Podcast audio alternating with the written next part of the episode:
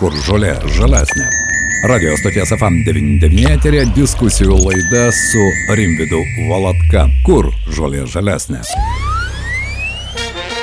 Sveiki, gerbiami klausytojai, studijoje prie mikrofono Vytautas ir, kaip jau supratote, Rimvidas Valatkas. Sveiki, gerbiamas Rimvidai. Sveiki, Vytautai. Lietuva buvo paskelbta, kad šiemet pasaulinėme žiniasklaidos laisvės indekse pakilo į 9 vietą. Pernai mes buvome 28 vietoje, iš tikrųjų įspūdingas šuolis. Apie tai mes galėsim pakalbėti su jumis, bet pirmiausia, aš noriu jūsų paklausti, ar jūsų matymų žiniasklaida gali būti nepriklausoma? Žiniasklaida turi būti nepriklausoma, bet mm, jūs taip paklausėt, kad aš iškart prisiminiau filosofinę šito klausimo potekstę. Nėra absoliučios laisvės ir, ne, ir nėra absoliučios nelaisvės, sako. Kartais e, pasitaiko tokių tvirtų žmonių, kurie kalėjimo kameroje jaučiasi laisviau negu kiti gyvenantis laisvėje. Tai tarkim, na, Navalną prisimintume, jis yra laisvesnis negu koks šimtas milijonų Rusijos gyventojų Taip. iš savęs, ar ne? Bet, bet iš tikrųjų tai tai žurnalistas nuo labai daug ko priklauso, ar ne? Tai tarkim, va dabar mes esam radijui, ar ne? Mes esam priklausomi nuo patalpų, už kurias reikia mokėti, mes esam priklausomi nuo aparatūros, jeigu jos nebūtų, galėtume radiją vaidinti pulko gatvėje išėję, na gal keleiviai parodytų pirštų, kad truputį ne visai gerai, ne visi namie mums būtų, tai iš tiesų priklausom nuo daug materialių dalykų, tos materialius dalykus reikia užsidirbti, na, užsidirbti algas, nes visi turi šeimas, visi neatleisti nuo valgymo proceso, nuo apsirengimo proceso, tai, tai per šitos dalykus atsiranda ir didesnių priklausomybių, tokių, na, kurias ir fiksuoja visokios pasaulinės visuomeninės organizacijos kaip Reporter Sans Frontier, Reporteriai be sienų, yra dar trys, kur reitingus sudarinėja, va tos visus dalykus jie bando apskaičiuoti. Kiek metų jūs esate jau žurnalistikoje? Nuo kada startavot? žmonės tiek ilgai negyvena. Ne? Dar tada buvo nespalvota vaivorykštė, ar ne? jo. Tai šį rudenį bus 44 metai. Kai pradėjau dirbti žurnalisto darbą, reiktų išmesti uh, pusantrų metų eilinių sovietų kariuomenės, ar ne? Na ir kokius uh, maždaug metus santykinai aukščiausiai taryba atkuriamasis Seimas, nors pirmus metus buvau redaktorius, atgimimo redaktorius, o paskui po kažkurio laiko pradėjau rašyti komentarus, bet tarkim, nu, nebuvau formaliai, formaliai žurnalistas, buvau kažkas kitas, na tai reiktų atmetus, kiek čia, dviejus su pusė, vis tiek daugiau kaip 40 metų išeina. Jūs turėjote ir pats redaktorių, ir pats buvot redaktorius. Tai, na, galite tikrai ir iš vienos pusės pažiūrėti, ir iš kitos pusės pažiūrėti. Ir buvote ir tarp kūjo, ir priekalo, ir pats gal buvote tas kūjis. tai be jokios abejonės, sakysim, man dar teko, na, pabaigoje 87-90 metai gimtojo krašto vyriausiojo redaktoriaus pavaduotojas, tai dar buvo kaip po priekalų reporteriai, ar ne? O viršui dar partijos saugumo ir kitokios valdžios, aišku, jau buvo perestroika, buvo sąjūdis, prasidėjo, bet, bet tai iš vis tu vienu metu esi ir kūjas, ir iki tų atveju tau kūjų kalą, kalą per galvą.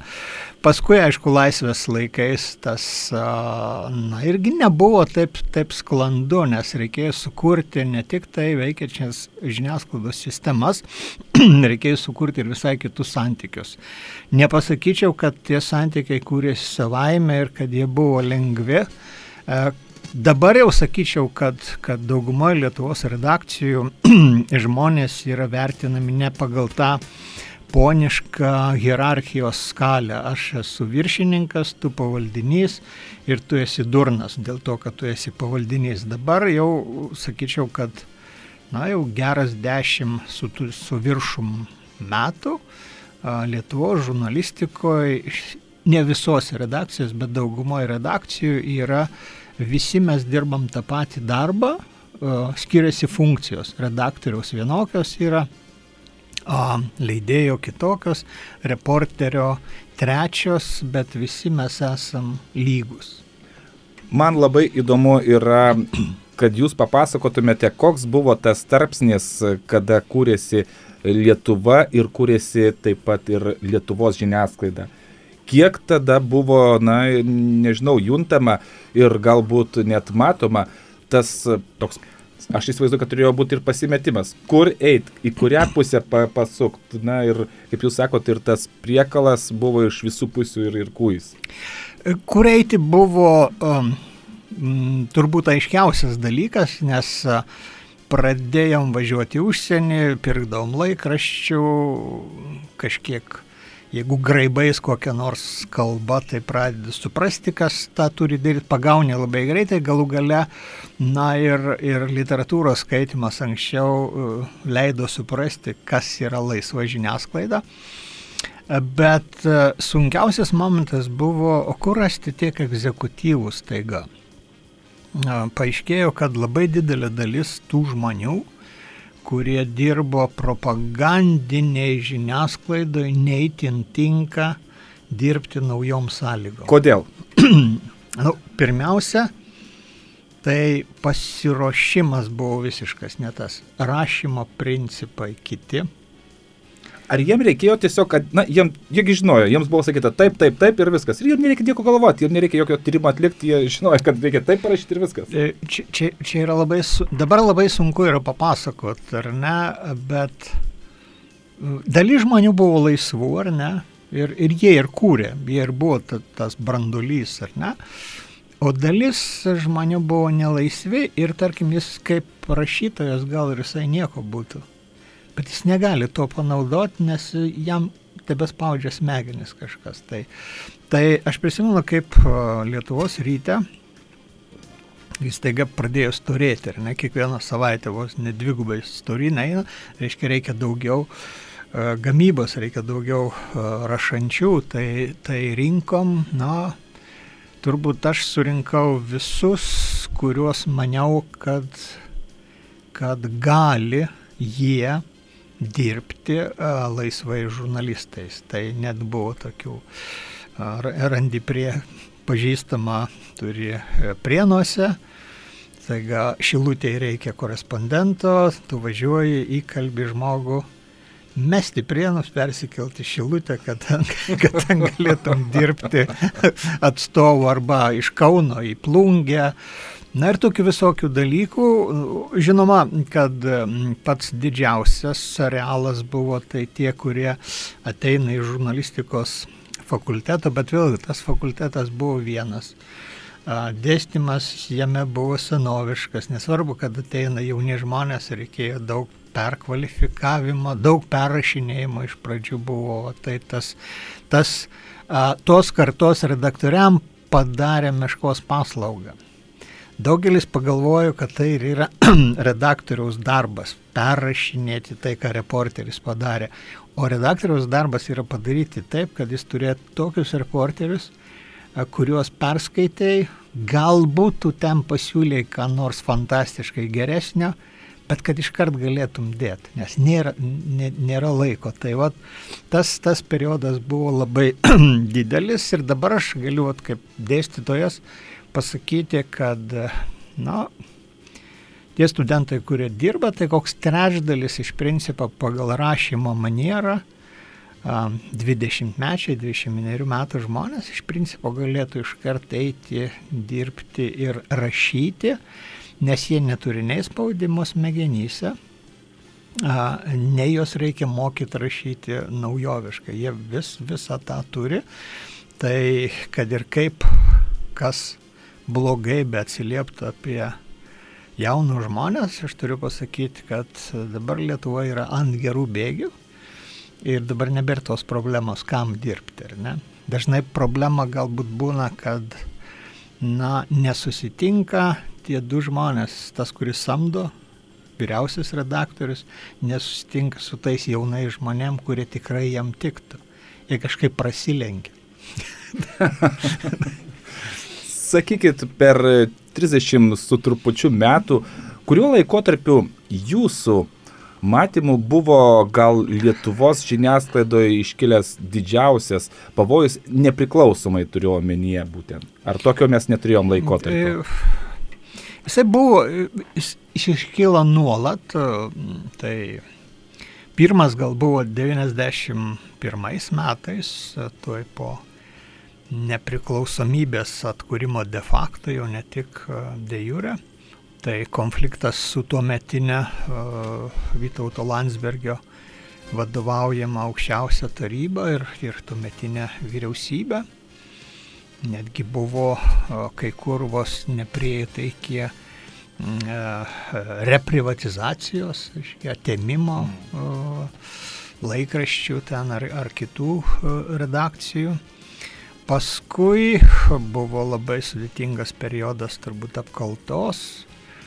Na ir kažkur tai nuo, nuo kokių 99 metų atsiranda nu, tas papirkimo arba susiliejimo su valdžia, su, suaugimo su valdžia, atskirų leidinių, atskirų politikų.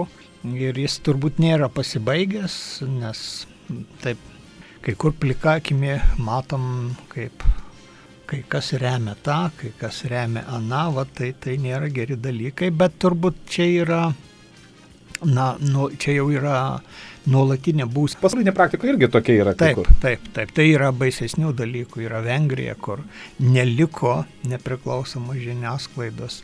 Yra Lenkija, kurioje yra smarkiai spaudžiama ir irgi iki atėmimo ar ne, kaip gazeta Viborčia vos netiteko valdžiai, nes jos akcijos, didžiausias Lenkijos dienraštis ir naujienų portalas, jos akcijų turėjo valstybinė įmonė, man atrodo, ar Orlen, ar Lotus. Ir redakcijos vadovybė kažkaip tai sugebėjo įtikinti, jau buvo Kačinskio valdžia, kad jie parduotų tas akcijas privačiam asmeniui, o tai būtų galėję perimti kontrolę. Tai, tai žodžiu, tokių dalykų yra, yra visame pasaulyje ir jų turbūt bus, nes, nu, tik tai pas mus kai kurie ne patys gudriausi kaimo lygio politikai galvoja, kad jie patys iš savęs yra tokie kieti, kad gali apsėti be žiniasklaidos. Gudresni mano, kad žiniasklaidą reikia pajungti. O protingi mano, kad su žiniasklaida reikia dirbti tam, kad praneštum savo rinkėjams, ką tu dirbi, ko tu nepadarei ir panašiai.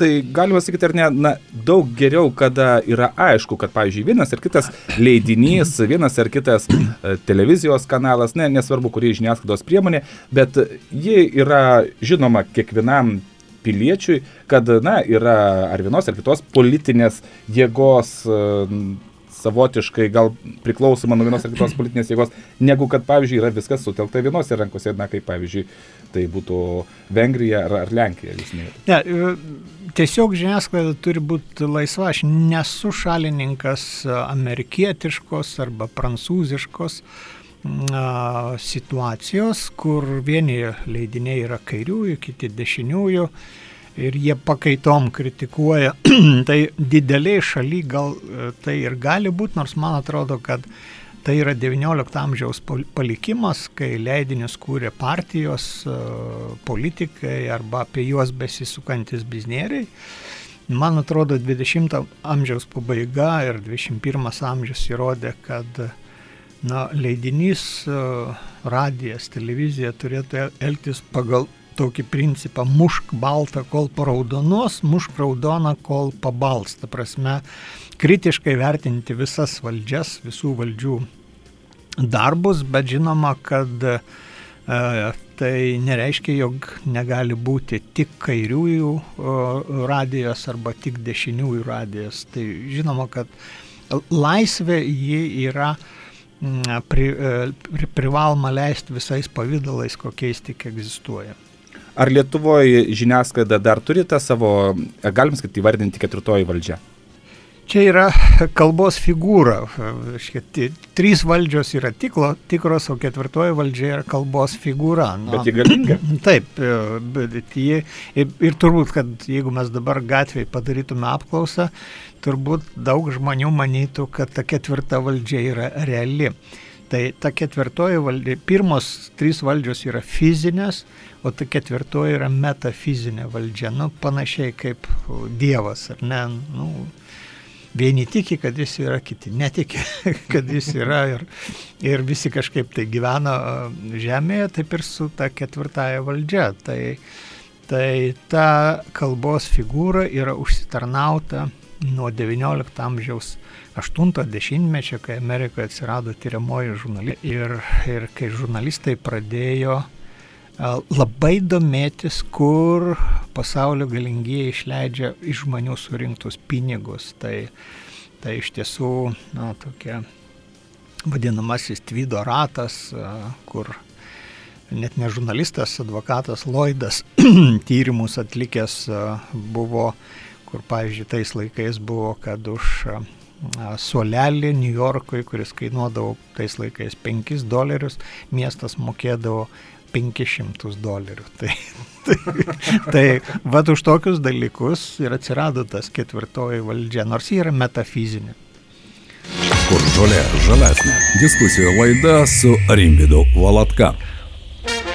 Sakykit, Rimvidai, jūs save laikot įtakingu Na, kaip bebūtų, jūs e, rašote ir e, publikuojate e, savo nuomonę, jūsų įtaka. Uh,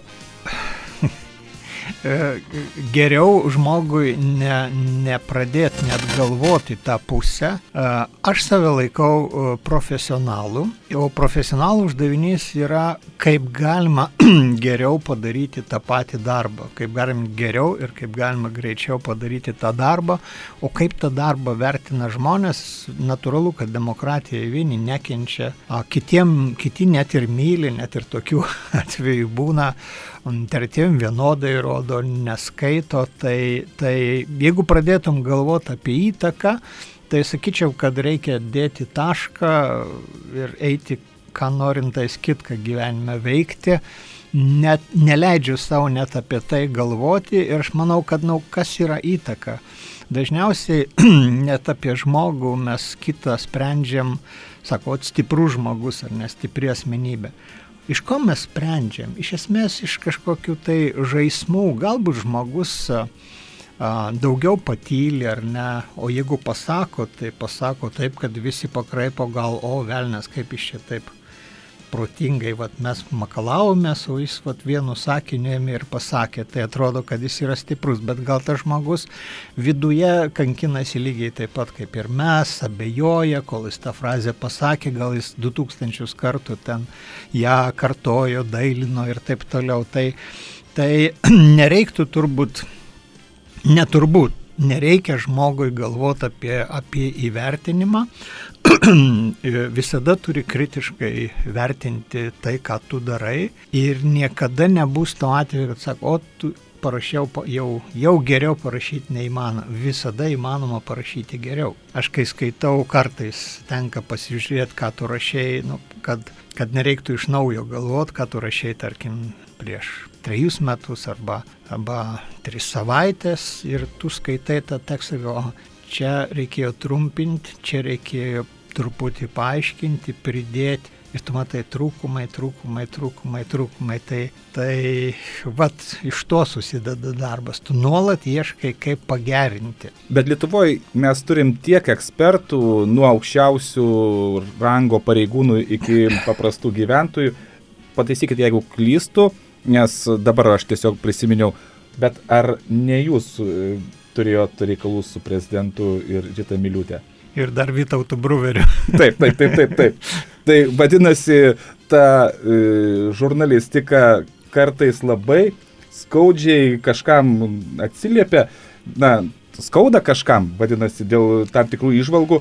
Ir kiek Lietuvoje, na, tiek nuo aukščiausių pareigūnų, nuo prezidentūros iki paprasto žmogaus mes sugabe, sugebėme tą žurnalisto darbą įvertinti ir priimti adekvačiai. Tai čia, sakyčiau, yra turbūt jūsų paminėtas pavyzdys, yra ne, ne žurnalistų įtakos, ne to, kad mes ten kažką padarėm, o politikos silpnumo įrodymas, kad jis nebijo pasirodyti, nu, visiškai silpnas, ar ne, tu bijai, ko tu bijai, ar ne, tu bijai net įsileisti prezidentūrą, reiškia, e, svetimam renginiui pamoderuoti trijų žurnalistų, čia yra už mano mm, suvokimo ribų, aš, aš va, šito nesuvokiu.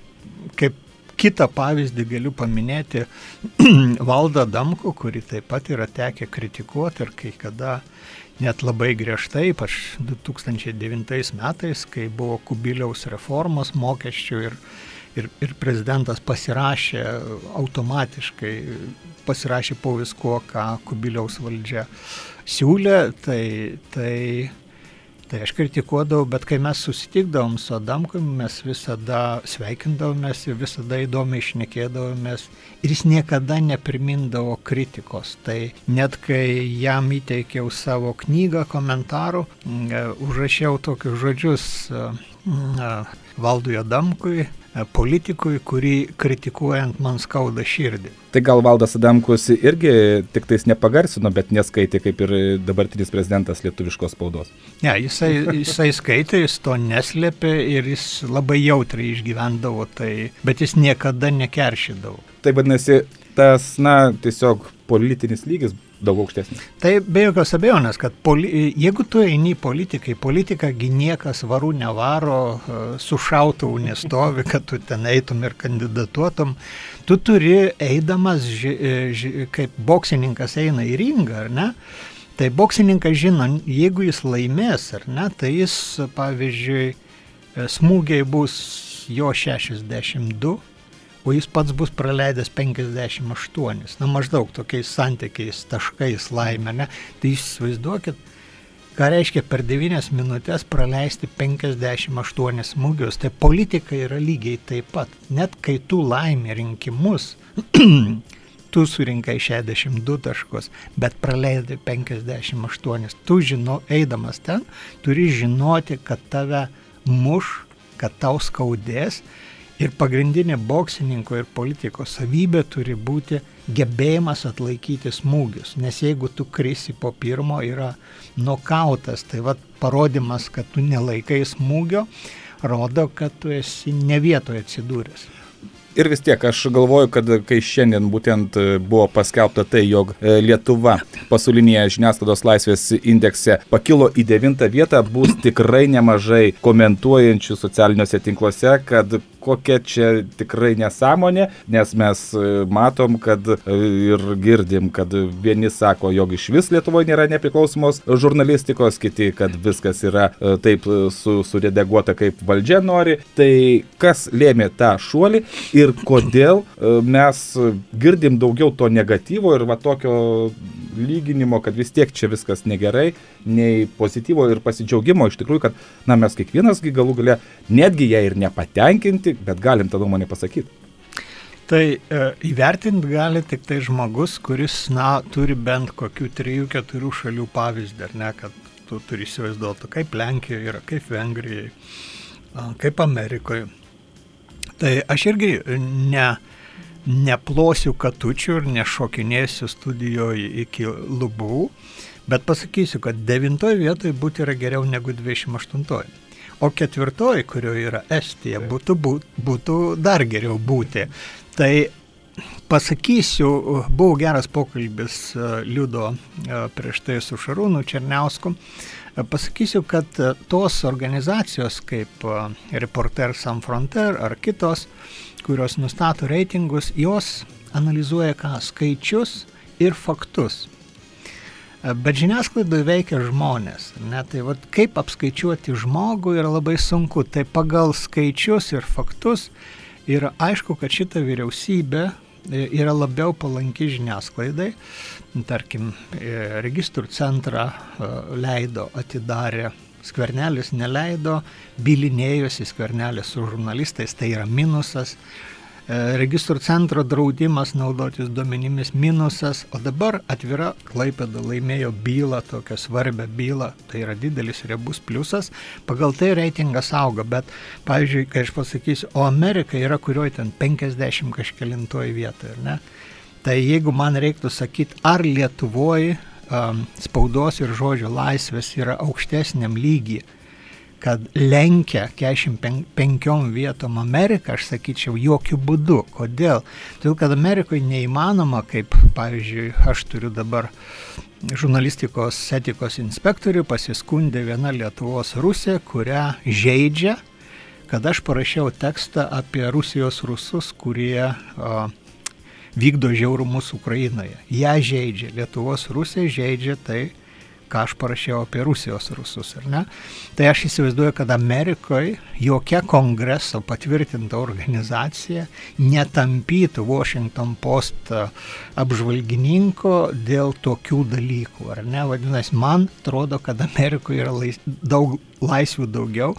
Prisiminkim, kad ir tas didysis laisvių bilis atsirado a, maždaug 1968 ar 7 metais kai aukščiausias teismas Amerikos nu, nustatė, jog žurnalistas nebūtinai turi parašyti tiesą, kad jį galima bausti tik tokiu atveju, jeigu jis parašė žinomai melagingą dalyką. Dabar, pas mus tik dabar tas yra atėjęs prieš keliarius metus ir dar ne kiekvienas teismas taip sprendžia.